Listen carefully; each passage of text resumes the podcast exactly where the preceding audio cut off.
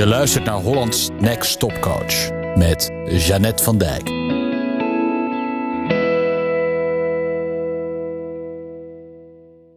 Nou, ik ga hier geen wedstrijd over uh, houden, geen prijsvraag over wie het goede antwoord weet, want je denkt vast, ja, uh, de grootste tegenstander van mijn klant, dat is dezelfde grootste tegenstander van mij als van ons allemaal. En de grootste tegenstander zijn we vaak zelf.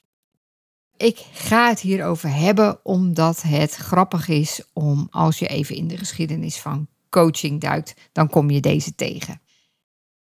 Coaching bestond al eerder in de sport. Voordat er gewone mensen werden gecoacht, was coachen van sporters en topsporters al heel gewoon. Het zijn natuurlijk ook mensen, haha, maar sporters gebruikten coaches om beter te worden, om betere vaardigheden te krijgen, om hun techniek aan te scherpen, om hun talent nog verder te ontwikkelen, om hun skills te verbeteren, om meer uithoudingsvermogen te krijgen, om het tactisch goed te doen. Een coach hielp ze om het allerbeste uit zichzelf te halen en om hun tegenstander te kunnen verslaan.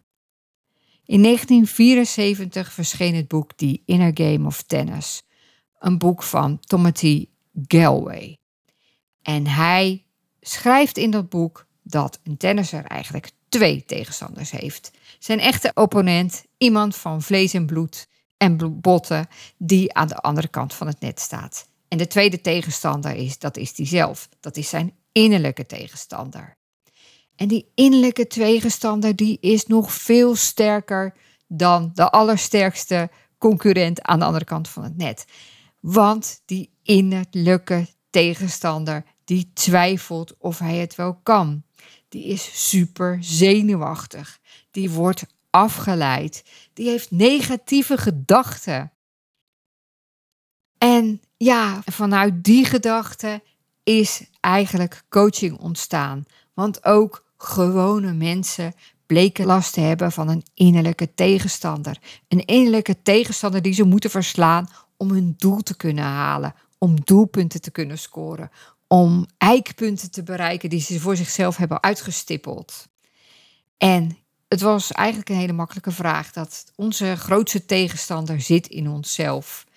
En dat coachen is ontstaan uit topsport en dat ondernemen ook vaak topsport wordt genoemd. Nou, zo is het vrouw helemaal rond. Maar goed, als jij business coach bent of je bent een andere coach en je helpt andere ondernemers, collega's om hun doelen te bereiken, om echt stappen te zetten, om beter te worden, om de hoofdprijs binnen te halen. Help ze dan om hun innerlijke tegenstander te verslaan. En dat doe je door het coachen te masteren. Je luisterde naar Hollands Next Top Coach met Jeannette van Dijk. Benieuwd hoe Jeannette jou kan helpen? Ga naar jeannettevandijk.nl of klik op de link in de show notes. Meer dagelijkse coachtips? Abonneer je dan op de podcast in je favoriete podcast-app. Tot snel!